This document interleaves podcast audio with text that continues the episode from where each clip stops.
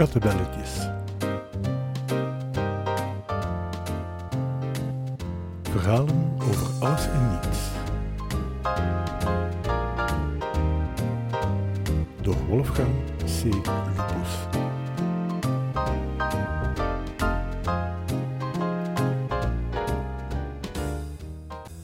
Wat heb je nu aan zo'n beest? vroeg ik me luid af.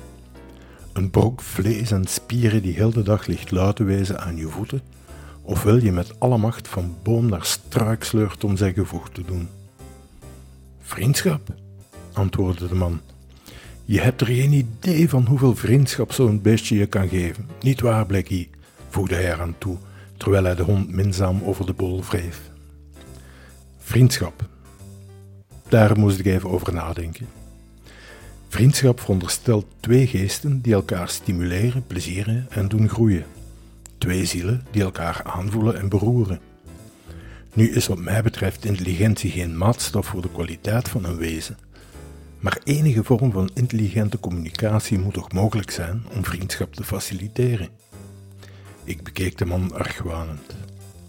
Nee, hoge academische graden zal hij nooit gehaald hebben. Niet dat dit belangrijk is, maar ik vroeg me gewoon af of ik in mijn eigen domheid verzonken iets miste. Het was een gewone man, slank, iets ouder dan ik, maar energiek en helder. Behoorlijk goed gekleed voor een wandeling door de bossen met zijn hond. Ah, vroeg ik, veronderstelt vriendschap niet een vorm van wederkerigheid? Wat bieden jullie elkaar dan om die vriendschap vol te houden? De man lachte alsof hij die domme vraag wel vaker voorgeschoteld kreeg. Ik geef hem eten, een rein om te slapen, wandelingen elke dag, meestal tweemaal zelfs, en hij mag thuis mee op de sofa. Hij geeft me de vreugde van mijn enthousiaste begroeten telkens ik thuis kom. Hij is lief, hij verdedigt me wanneer iemand me aanvalt en vergeet u niet, meneer, hij is een uitstekende waakhond. Zo besloot hij. Ik wilde het geloven. Hij zag er best gevaarlijk uit. Dus Blackie zorgt voor bewaking, gedraagt zich een beetje als een betaalde maîtresse wanneer u thuis komt en neemt de tijd om met u te gaan wandelen. Bovendien gehoorzaamt hij u ook nog, begrijp ik dat goed? En een ruil krijgt hij eten en is hij akkoord om in een hok van twee op twee te leven en zo nu en dan een eye over zijn bol te krijgen. U stelt het wel erg scherp, meneer, antwoordde de man iets minder vriendelijk nu. We zaten samen op een bankje vlak voor het wandelbos bij ons achter. Ik zag dat hij nog iets wilde zeggen, maar zich inhield. Om ongemakkelijke stiltes te voorkomen, besloot ik toch maar door te vragen. Dit was immers interessant.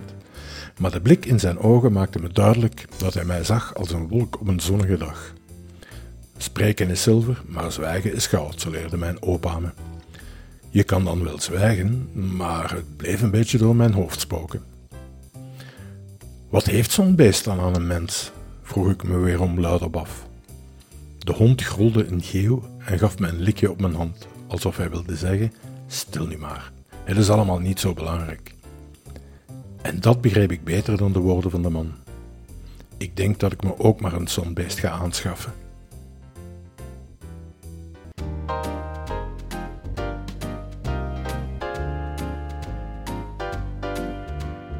Kattenbelletjes. Verhalen over alles en niets. Door Wolfgang C.